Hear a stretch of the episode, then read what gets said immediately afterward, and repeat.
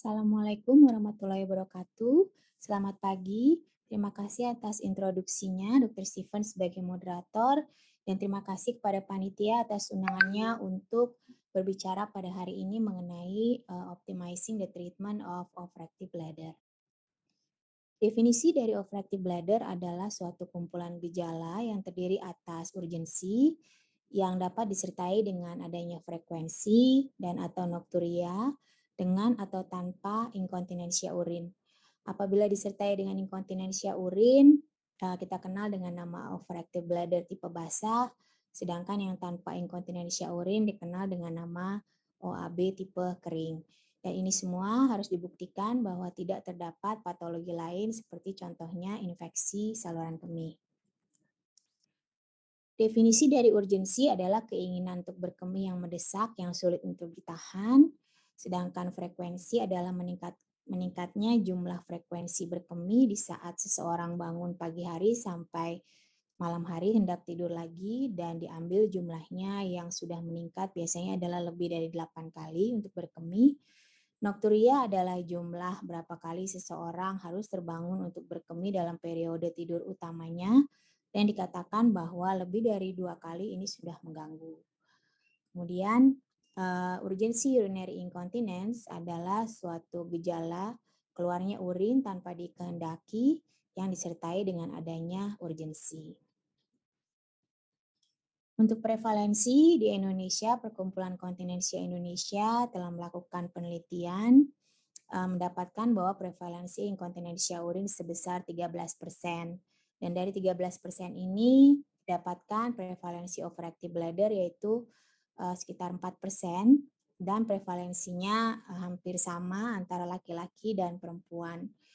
Dan prevalensi ini uh, terlihat bahwa meningkat dengan seiring dengan meningkatnya usia seseorang. Nah, di Asia juga terdapat suatu data yang sama, yaitu prevalensi overactive bladder ini juga terlihat makin lanjut usia seseorang, makin prevalensinya makin meningkat juga. Ini adalah uh, suatu survei lagi yang dikerjakan oleh Perkumpulan Kontinensia Indonesia Perkina secara online. Di sini didapatkan data yang mirip dengan data yang diambil tahun 2014 tadi yaitu uh, inkontinensia urin didapatkan pada 14% dari 585 subjek dengan rata usia 51 tahun. Bisa lihat di sini uh, urgensi urinary incontinence atau overactive bladder tipe basah uh, terdapat prevalensinya yaitu 5%. Dari penelitian ini juga didapatkan bahwa eh, seiring dengan bertambah beratnya gejala inkontinensia urin, semakin buruk pula kualitas hidup seseorang. Yang ini mungkin sangat bisa dimengerti ya. Karena bisa dibayangkan apabila seseorang mengeluhkan gejala-gejala overactive bladder, ada urgensi, ada frekuensi atau beser, apalagi sampai disertai mengompol, sangat-sangat mempengaruhi kualitas hidupnya.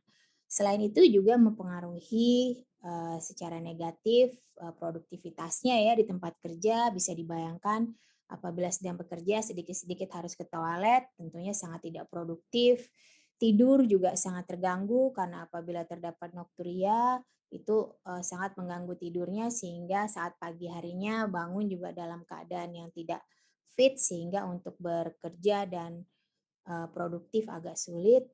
Kemudian juga bisa mengganggu kesehatan mental ya. Terus-terusan khawatir bahwa akan terjadi beser dan ngompol ini sangat mempengaruhi kesehatan mental hubungan dengan pasangan, hubungan dengan teman-teman uh, yang lain, dan hubungan sosialnya juga sangat terganggu dan terbias dan biasanya pasien-pasien overactive bladder ini cenderung menarik diri dari uh, pergaulan karena takut bahwa nanti apabila sedang melakukan aktivitas bersama akan terjadi beser, akan terjadi mengompol sehingga tidak bisa menikmati aktivitas tersebut.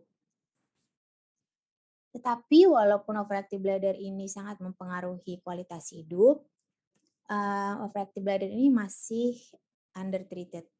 Kita bisa lihat di sini dalam suatu penelitian uh, dalam uh, dalam uh, jumlah subjek 7.000 sekitar 7.000 uh, subjek uh, di sini dikatakan bahwa overactive bladder yang uh, tipe severe atau yang paling parah sekalipun hanya 64% yang mencari pertolongan ke dokter.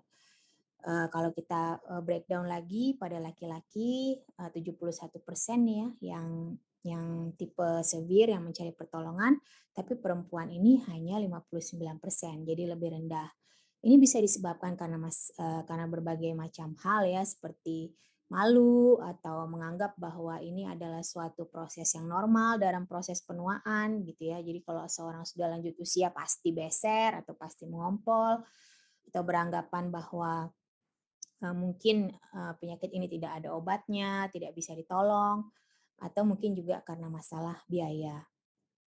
Kalau kita lihat di sini bahwa biaya-biaya yang dikeluarkan untuk overactive bladder ini cukup besar, bisa karena konsultasi ke dokter. Kadang-kadang kalau seseorang itu mencoba untuk mengatasi sendiri, dia tidak ingin berobat, bisa membeli uh, popok ya. Ini juga uh, merupakan suatu uh, pengeluaran atau beban finansial yang cukup besar. Sedangkan untuk pengobatannya sendiri juga tentunya mengeluarkan biaya, tetapi ini sudah diteliti ternyata lebih kecil dari pemakaian pembalut. Sedikit tinjauan tentang patofisiologi dari overactive bladder. Kita mungkin selalu berpikir dengan gejala-gejala seperti ini yang merupakan kelainan gejala dalam fase pengisian ya, fase storage.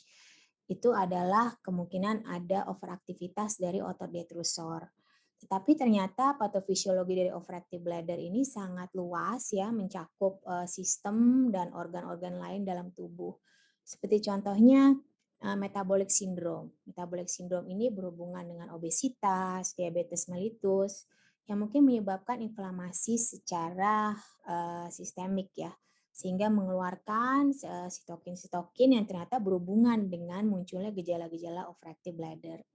Kemudian gangguan afektif ini dikatakan saat seseorang itu mengalami gangguan afektif seperti depresi, ansietas, stres, itu keluarlah hormon-hormon seperti corticotropin releasing factor yang ternyata dihubungkan juga e, bisa menimbulkan gejala-gejala OAB.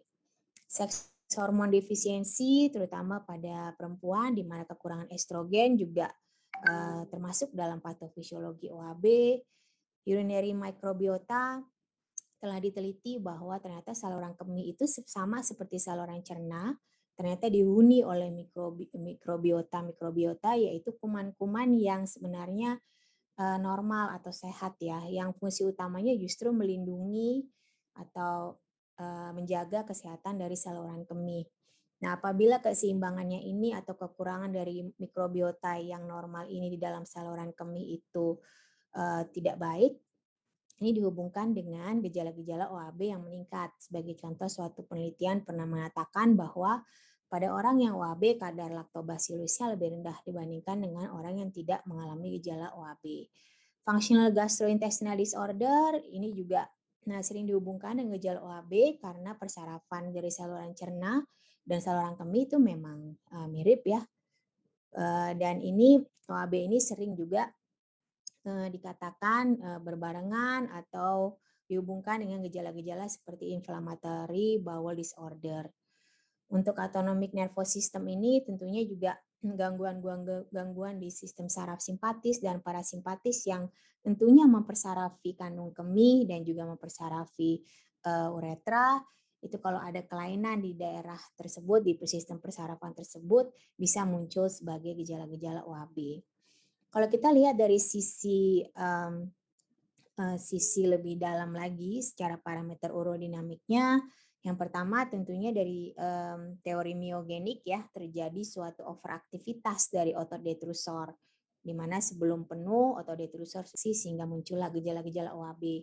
Tapi ada juga teori lain yaitu um, menyatakan bahwa, bahwa uret uretelialnya sel-sel urotelnya yang terlalu sensitif jadi sel-sel urotelial ini adalah sel-sel yang melapisi dinding kandung kemih dan di dalam sel urotelial inilah ada suatu sensor yang akan mengirimkan sinyal-sinyal aferen yang kemudian memberikan informasi kepada otak kita bahwa ya ini kantong kencing memang sudah ingin berkemih. Nah, teori ini menyatakan bahwa sel-sel urotelium ini lebih sensitif pada orang-orang OHB dibandingkan orang normal. Uh, teori uretrogenik di sini menyatakan bahwa ada Eh, saat-saat di mana urin itu mencapai uretra yang kemudian bisa merangsang suatu sensitivitas dari uh, kandung kemih. Jadi uh, begitu urin mencapai uretra, mencapai uh, mencapai uretra, dia akan uh, membuat si kandung kemihnya itu lebih mudah berkontraksi. Uh, teori supraspinal ini adalah teori-teori di mana terdapat kelainan-kelainan di persarafan tadi, sedangkan ada juga uh, teori uretolial myogenik di mana terjadi suatu detrusor underactivity yaitu kelemahan kontraksi dari otot detrusor yang menyebabkan setiap kali kencing sisa kencing itu tidak habis yang tentunya akan menyebabkan seseorang lebih mudah untuk berkemih lagi sehingga timbullah gejala frekuensi atau beser. Untuk diagnostik, eh, ini Perkina baru saja mengeluarkan suatu panduan tata laksana untuk inkontinensia urin. Seperti pada penyakit-penyakit lain pada umumnya, penilaian atau asesmen awal untuk OAB ini dimulai dengan anamnesis dan pemeriksaan fisik yang baik. Kemudian eh, bisa disertai kuesioner eh, untuk membantu. Nanti saya tunjukkan kuesionernya cukup simple dan catatan harian berkemi ini juga merupakan suatu tools yang sangat-sangat membantu untuk kita bisa melihat secara objektif eh, gejala yang dialami oleh pasien, kemudian diikuti dengan beberapa pemeriksaan penunjang yang sederhana seperti urinalisis untuk menyingkirkan infeksi atau patologi lain seperti hematuri atau adanya glukosa dalam urin, dan nanti juga ada pemeriksaan residu urin bila memang dicurigai adanya kesulitan untuk berkemih. Hal-hal yang menjadi red flag atau yang menjadi perhatian adalah apabila dalam anamnesis dijumpai adanya hematuria, nyeri, kemudian infeksi saluran kemih berulang, pada eh, pada perempuan adanya prolaps organ panggul derajat 3 atau lebih, kemudian pada laki-laki itu ada pada saat kita melakukan rectal touche ditemukan sesuatu hal yang abnormal, ada riwayat radioterapi, ada riwayat operasi di daerah panggul, dan kecurigaan ada fistula, itu merupakan hal-hal yang menunjukkan bahwa mungkin gejala-gejala yang diderita oleh uh, pasien tersebut bukan merupakan uh, inkontinensia urin yang uh, sederhana, tetapi mungkin harus dirujuk untuk tata laksana spesialistik. Dari evaluasi inisial itu tampaknya sederhana ya, jadi anamnesis, pemeriksaan fisik, dan pemeriksaan penunjang sederhana, tetapi harus dilakukan dengan sangat-sangat baik dan teliti karena apa? Karena diferensial diagnosis dari gejala overactive bladder ini sangat banyak. Pada laki-laki sendiri ini bisa di um, DD dengan BPH, dengan kanker prostat, dengan struktur uretra, pada perempuan kemungkinan bisa juga timbul pada kasus-kasus kolaps organ panggul, vaginitis atrofi, bladder pain syndrome. Kita juga ada kemungkinan ada neurogenic bladder. Juga jangan lupa kemungkinan ada batu atau tumor di kandung kemih dan juga mungkin penyakit-penyakit seperti diabetes, efek dari pengobatan atau efek dari operasi. Jadi tujuan dari evaluasi awal ini adalah untuk menyingkirkan semua diferensial diagnosis karena tadi diingat bahwa definisi dari OAB adalah harus dibuktikan bahwa tidak ada patologi yang lain. Ini adalah contoh sistem skor yang kita sering pakai yaitu OABSS. Ini cukup simpel, cukup sederhana, hanya terdiri dari empat pertanyaan uh, yang mungkin bisa diisi juga uh, oleh uh, pasiennya sendiri, bisa juga dibantu dengan tenaga kesehatan. Ini terdiri dari pertanyaan-pertanyaan yang memang merupakan gejala-gejala dari overactive bladder, yaitu nokturia, frekuensi, urgensi, dan inkontinensia urin. Catatan harian berkemih ini merupakan suatu hal yang uh, uh, sangat membantu dan sepertinya untuk keluhan lower urinary tract symptom, keluhan saluran kemih bagian bawah termasuk OAB ini uh, sebaiknya harus dibuat. Uh, jadi ini adalah biasanya kita ambil dalam 3 kali 24 jam ya, mulai dari pasien bangun sampai uh, bangun pagi hari sampai keesokan harinya lagi saat pasien terbangun pada pagi harinya. Nah, ini dibuat selama 3 kali 24 jam. Biasanya kalau pasiennya bekerja, kita minta dikerjakan dalam waktu libur, misalnya saat weekend. Kita bisa uh, agar tidak terlalu mengganggu saat pencatatannya saat pasien bekerja. Di sini hal-hal yang dicatat adalah um, jenis minum dan jumlahnya ya. Setiap kali minum uh, dicatat dan berapa cc jenis minumannya apa. Karena kita juga ingin mengetahui ya misalnya pasien ternyata banyak minumnya jenis-jenis minuman yang berkafein tinggi misalnya kita bisa tahu dari sini Kemudian uh, buang air kecilnya tentunya kita harus minta pasiennya untuk mencatat sampai mengukur berapa cc setiap kali keluar kencing tersebut dengan menggunakan gelas ukur. Nah, nah itu sangat bermanfaat karena kita bisa tahu kira-kira kapasitas kandung kemihnya sekali berkemih itu berapa, selain dengan frekuensi uh, buang air kecilnya per 24 jam pagi dan malam, termasuk nokturianya itu ada berapa kali dan jumlahnya berapa banyak. Kemudian juga pasien diminta mencatat apakah terdapat gejala urgensi setiap kali ingin berkemih dengan menandai uh, positif atau negatif dan mengompol juga apabila terdapat uh, urin yang keluar sebelum waktunya walaupun satu tetes pasien juga diminta untuk uh, menandakan di sini. Uh, catatan harian berkemih ini bisa dibuat dalam kertas ya secara manual pasien mencatat sendiri kemudian juga sudah dari perkina juga sudah Eh, membuat catatan harian berkemih elektronik yang dapat di-download secara gratis di Google Play Store, di mana kita bisa mensubmit catatan-catatan ini secara elektronik dan terekam di sana dan juga dikalkulasikan secara otomatis. Untuk pemeriksaan laboratorium, uh, urinalisis tadi diperlukan ya untuk mengeksklusi infeksi saluran kemih, adanya mikroskopik hematuria, adanya glukosa yang mungkin menandakan adanya diabetes mellitus, juga uh, diperlukan pemeriksaan mungkin fungsi ginjal atau pemeriksaan gula darah ya untuk untuk menentukan apabila memang ada kecurigaan ke arah diabetes.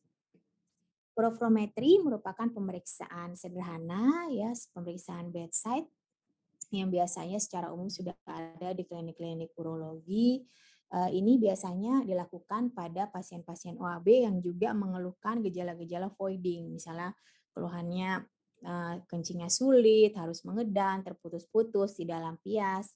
Karena tadi bisa jadi bahwa saat ada gejala voiding, sisa kencing di dalam uh, kandung kemih setelah selesai berkemih banyak sehingga frekuensi kencingnya juga ikut meningkat karena buli-buli gampang penuh kembali. Ini sederhana sekali, pasien bisa ini laki-laki ya posisinya berdiri berkemih seperti biasa tetapi kemudian berkemihnya di suatu alat khusus yang kemudian disambungkan ke dalam suatu mesin yang mengeluarkan grafik. Grafik yang normal adalah seperti ini, bentuknya bell shape ya, dengan waktu waktu untuk mixi yang tidak terlalu lama dan setelah selesai pasiennya langsung di USG untuk melihat berapa sisa kencing di dalam kandung kemihnya. Normalnya harusnya habis ya eh, atau sisanya bisa sisanya mungkin minimal atau sedikit tetapi kalau ternyata setelah dilakukan USG sisanya masih banyak seperti ini, ini adalah kandung kemih yang penuh ya, yang hitam ini adalah air, kita sudah curiga bahwa ini permasalahannya bukan overactive bladder mungkin tapi adalah suatu disfungsi berkemih yang menyebabkan gejala frekuensi. Um, beberapa bentuk-bentuk grafik yang abnormal yang tidak tidak seperti bell shape tadi ini ini salah satu contoh uh, grafik pada pasien OAB. Biasanya pancaran urin maksimalnya tinggi sekali karena pasien mengalami urgensi ya, jadi susah untuk menahan kencing. Jadi saat berkemih itu justru pancarannya tinggi sekali, tetapi kurvanya ini cenderung langsing dan um, kecil ya, uh, sempit begitu karena uh, kapasitas kandung kencingnya tidak bisa banyak sehingga voided volumenya itu sedikit. Ini dikenal dengan nama uh, tower Kemudian ada yang terputus-putus seperti ini, ada yang landai seperti ini dengan uh, laju pancaran urin maksimalnya yang menurun dibandingkan kurva normal tersebut. Kemudian dari USG, selain kita bisa menilai sisa dari urin pasca berkemih, kita bisa melihat pato patologi lain sebenarnya di dalam kandung kemih tersebut, misalnya tumor sebagai salah satu DD dari UAB dan juga batuk di dalam kandung kemih.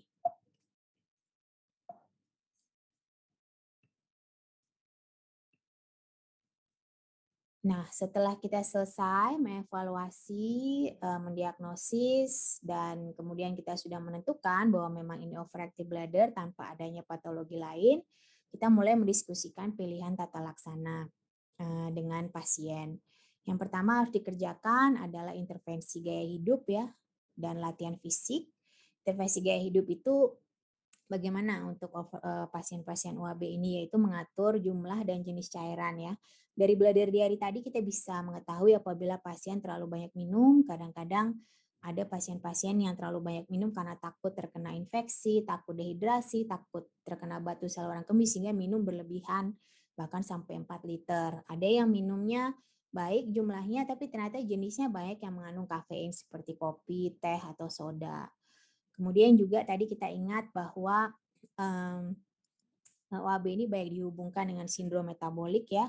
Jadi baik sekali untuk mulai menerapkan gaya hidup sehat, misalnya olahraga rutin, mencegah obesitas, eh, mencegah eh, diabetes gitu ya, untuk menghindari eh, inflamasi di dalam tubuh kita sehingga terhindar dari gejala-gejala OAB. Juga jangan lupa kita juga harus selalu menanyakan mengenai fungsi saluran cerna karena tadi sering dihubungkan juga nih kelainan OAB dengan kelainan-kelainan seperti inflammatory bowel disease atau konstipasi dan juga apabila ditemukan gejala-gejala kelainan saluran cerna ini juga harus eh, laksana. Juga penyakit penyertanya seperti diabetes, penyakit jantung dan juga obat-obatan yang menyertai penyakit-penyakit tersebut juga harus dievaluasi karena bisa menimbulkan gejala-gejala OAB.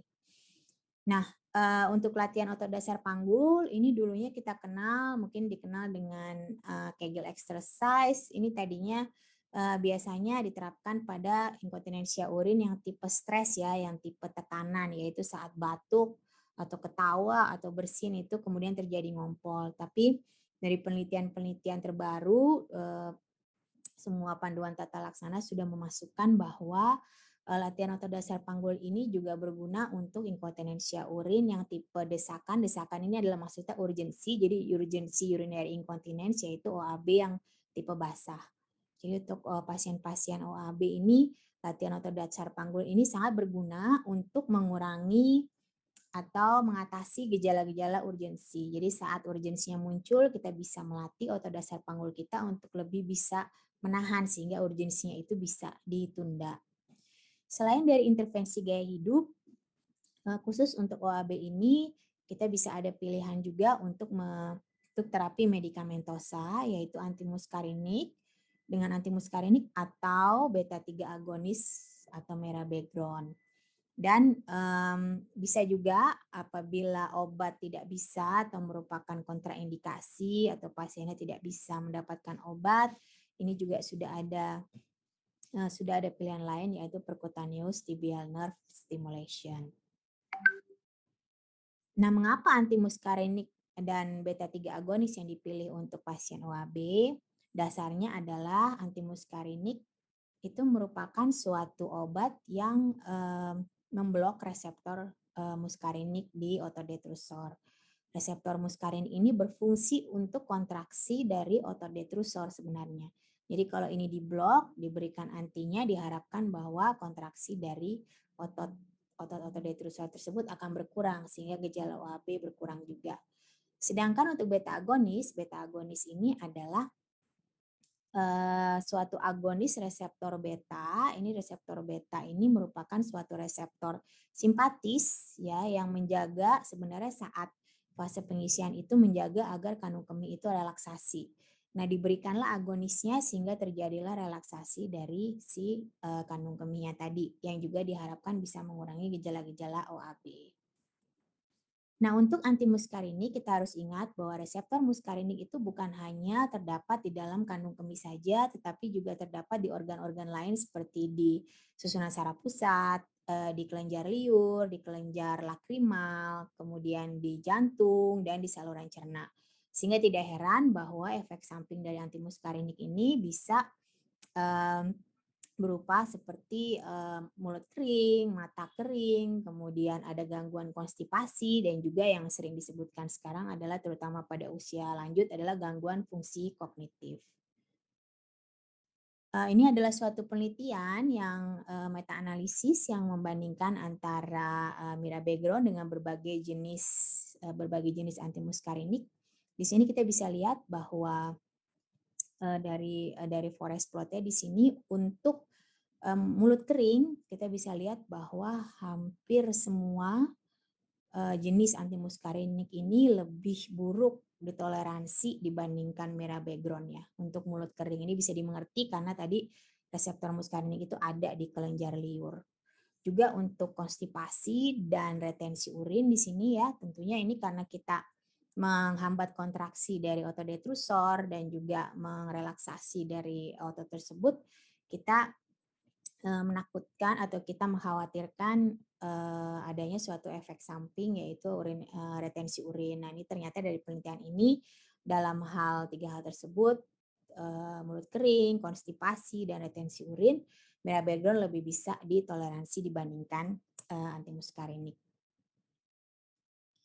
Uh, ini suatu penelitian lain. Uh, kalau uh, mus, uh, anti ini kita khawatir tentang efek samping yang sudah disebutkan, tentunya dalam hal uh, agonis reseptor beta, kita juga berpikir bahwa reseptor beta itu ada di dalam sistem kardiovaskular. Jadi kita juga mengkhawatirkan efek samping seperti uh, hipertensi, palpitasi, takikardi. Tapi dari penelitian ini yang subjeknya itu sekitar uh, seribu sekian ya, di masing-masing kelompok yang membandingkan antara beta 3 agonis dan antimuskarinik ini pada usia lebih dari 65 tahun kita bisa lihat di sini bahwa angka hipertensinya tidak berbeda bermakna dan dari keseluruhan itu eh, presentasinya sangat kecil ya sekitar 4 sampai 5 persen, palpitasi lebih kecil lagi, takikardia juga kecil, dan di usia 75 tahun juga eh, sama Eh, jadi untuk hipertensinya juga tidak berbeda bermakna antara beta 3 agonis dan antimuskarinik. Yang menonjol di sini memang yang mulut kering dari uh, efek samping mulut kering dari antimuskarinik memang jauh lebih tinggi dibandingkan uh, mirabegrone dan placebo. Palpitasi dan takikardi juga uh, cukup kecil ya di bawah mungkin di bawah 2% di sini. Ini adalah suatu penelitian lain. Memang secara efek samping adverse event ini antimuskarinik itu dinyatakan uh, lebih banyak ya drug related adverse eventnya dibandingkan dengan uh, mirabegrone pada penelitian ini. Dan juga kita lihat di sini untuk angka hipertensinya di sini juga hampir sama ya antara mirabegrone dengan uh, anti antimuskarinik. Sedangkan kalau kita lihat dalam hal uh, mulut kering uh, anti ini jauh lebih tinggi, sedangkan dalam hal konstipasi ini juga lebih tinggi sedikit uh, anti tapi tidak berbeda bermakna. Nah, untuk pilihan lain eh, selain obat-obatan adalah uh, percutaneous tibial nerve stimulation ya, stimulasi uh, nervus uh, tibial. Nah, di sini bisa dilakukan secara percutaneous yaitu ditusukkan semacam jarum di daerah uh, tibial nerve di sini atau bisa dilakukan secara transkutaneus yaitu ditempelkan suatu patch. Tapi yang mungkin uh, secara evidence hasilnya lebih baik adalah masih perkutaneus yaitu yang menggunakan uh, jarum ini. Nah, kenapa uh, tibial nerve ini yang distimulasi untuk pasien OAB? Karena tibial nerve ini nanti jalannya akan bersama-sama masuk ke dalam ke daerah sakral yang nanti akan mempersarafi juga uh, kandung kemihnya.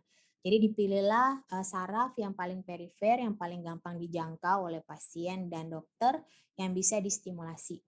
Uh, ini pasiennya bisa dilakukan uh, di poliklinik, mungkin yang kalau untuk yang menggunakan patch juga bisa diajari untuk dikerjakan di rumah. Ini suatu meta-analisis yang dibuat oleh center kami yang menyatakan bahwa memang dibandingkan dengan uh, sham prosedur, PTNS ini memang lebih efektif dalam menangani non-neurogenic uh, obstructive bladder ya secara meta-analisis. Nah, bagaimana kalau itu semua tidak berhasil ya? Biasanya kita melihat selama 12 minggu apabila tidak uh, ada hasilnya atau uh, kurang me, kurang bisa mengakomodir ekspektasi dari pasien. Jadi ada perbaikan tapi sepertinya tidak tidak terlalu menonjol gitu perbaikannya. Kita harus melakukan diagnostik tambahan seperti urodinamik yang nantinya akan mengeluarkan kesimpulan apakah betul bahwa ini betul adalah OAB. Siapa tahu misalnya OAB-nya ternyata tercampur dengan stress urinary incontinence atau mungkin ini adalah suatu stress incontinence malahan ya, bukan OAB. Jadi uh, urodinamik ini memang dikerjakan merupakan suatu diagnostik yang tidak dikerjakan di evaluasi awal, tapi dikerjakan saat setelah terapi inisial gagal. Uh, urodinamik itu apa? Urodinamik adalah suatu saya selalu me, bilangnya ini adalah suatu rekam jantung tapi seperti rekam jantung tetapi untuk kandung kemih lah. Merekam perilaku kandung kemih saat diisi dan saat uh, saat berkemih. Jadi akan dipasang suatu kateter ke dalam kandung kemih yang akan bisa menilai tekanan dalam kandung kemih saat diisi dan berkemih dan juga ada uh, kateter yang dipasang ke dalam rektum yang untuk bisa melihat tekanan dari abdomen. Kemudian kandung kemih diisi ya lewat kateter ini, dimasukkan air dan dalam fase pengisian akan keluar grafik-grafik dan juga saat uh, fase berkemih. Ini contoh pasien dengan keluhan OAB, kita bisa lihat di sini, ini adalah tekanan detrusor ya. Ini yang hijau ini adalah tekanan detrusor yang kita lihat selama fase pengisian. Normalnya saat seseorang itu diisi, harusnya tekanan detrusor itu tetap rendah, tidak meningkat, dan tidak ada kontraksi-kontraksi seperti ini. Ini ada kontraksi seperti gunung-gunung kecil ini menandakan bahwa detrusornya ini overaktif sehingga dalam dunia nyata berkorelasi dengan gejala-gejala OAB. Di sini kita bisa lihat saat diisi juga ini yang tanda panah ini merupakan keluarnya urin nih yang sedikit-sedikit warna merah ini keluar urin yaitu berwujud sebagai inkontinensia urin. Jadi dari urodinamik ini bisa diambil kesimpulan bahwa detrusornya ada detrusor overactivity, overaktif ya saat pengisian dan juga terjadi inkontinensia urin yang dalam gejala klinisnya pasien ini menderita overactive bladder tipe basah. Nah, apa yang kita bisa kerjakan sebagai alternatif pada pasien-pasien uh, yang refraktor dalam pengobatan? Kita bisa melakukan injeksi botox ya, walaupun ini memang belum uh, license di Indonesia untuk OAB, tetapi di FDA dan di Eropa ini sudah um, sudah merupakan suatu terapi yang diizinkan untuk OAB di mana kita melakukan injeksi zat-zat botox ya. Botox seperti kita kenal fungsinya adalah untuk menghambat kontraksi. Mungkin di kosmetik gitu untuk menghambat kontraksi dari otot-otot atau ya di kulit sehingga me mengurangi keriput-keriput gitu ya. Nah, di sini juga sama ini kita bisa menginjeksi beberapa tempat di dalam otot detrusor dengan alat sistoskopi seperti ini eh, sehingga mengurangi dari kontraksi eh, otot kandung kemih yang akhirnya diharapkan bisa mengurangi gejala-gejala OAB. Ini adalah sacral nerve stimulation. Ini merupakan eh, stimulasi saraf yang sebenarnya tujuannya sama dengan PTNS tadi ya, tapi PTNS kita uh, stimulasi saraf yang lebih perifer, sedangkan ini distimulasi uh, sarafnya langsung ke daerah ya, di bagian sakralnya langsung ya, dengan menanam suatu alat seperti pacemaker di dalam badan pasien yang nanti akan mengeluarkan sinyal-sinyal sehingga sehingga bisa uh, mengontrol gejala-gejala OAB. Uh, pembedahan ini merupakan pilihan terakhir ya biasanya jarang sekali, tapi ada juga yang pasien OAB yang sampai memerlukan tindakan ini seperti augmentasi atau memperbesar kandung kemih ya dengan uh, dengan organ lain mungkin diperbesar dengan usus sampai ke arah diversi urin ya. Tapi ini jarang sekali karena merupakan tindakan yang cukup invasif. Untuk kesimpulan, uh, overactive bladder ini merupakan kondisi yang uh, cukup sering ya, cukup sering tapi masih undertreated sangat mengganggu kualitas hidup dan banyak aspek-aspek kehidupan lain yang sangat uh, terganggu karena kondisi ini. Diagnosisnya ini merupakan suatu um, suatu hal yang uh, tidak tidak apa ya tidak memerlukan pemeriksaan canggih ya dari mulai anamnesis, pemeriksaan fisik sampai pemeriksaan penunjangnya, tapi tidak sederhana ya karena harus menyingkirkan berbagai diferensial diagnosis yang gejalanya mirip dengan overactive bladder. Untuk manajemen, kita selalu uh, me menyarankan kepada pasien untuk uh, melihat gaya hidupnya terlebih dahulu ya apa yang kita bisa kita bisa ubah, kita bisa perbaiki dari gaya hidup pasiennya, terapi perilaku pasiennya, eee, sebelum kita menginjak ke terapi-terapi, berikutnya. Edukasi pasien juga eee, sangat penting karena kadang-kadang pasien ini juga, eee, terganggu ya kesehatan mentalnya, sangat khawatir dengan keadaan ini. Jadi kita harus benar-benar me mengedukasi bahwa terapi ini juga untuk terapi perilaku dan terapi perubahan gaya hidup ini mungkin harus dikerjakan seumur hidup pasien, gitu. Kemudian selanjutnya kita mengikuti ya step by step, eee, sesuai dengan panduan tata laksana mulai dari paling non-invasif seperti tadi pengobatan, obat-obatan, kita bisa lakukan stimulasi dengan PTNS. Eee, obat-obatan ini terdiri dari beta 3 agonis atau antimuskarinik yang tujuannya sama adalah, eee, berusaha untuk, eee, agar otot-otot kandung kemih itu relaksasi atau dihambat kontraksinya sehingga mengurangi gejala-gejala urgensi, frekuensi, dan nokturia bahkan inkontinensia urin. Dan prosedur invasif ini dikerjakan, setelah terapi inisial seperti terapi perilaku, intervensi gaya hidup, dan medikamentosa itu gagal. Sebelumnya, eee, memang ada tempatnya untuk dilakukan urodinamik dulu untuk memastikan bahwa memang, eee, obstructive bladder inilah yang, eee, diderita oleh pasien. Nah, mungkin itu yang bisa saya sampaikan pada pagi hari ini. Terima kasih atas perhatiannya. Wassalamualaikum warahmatullahi wabarakatuh.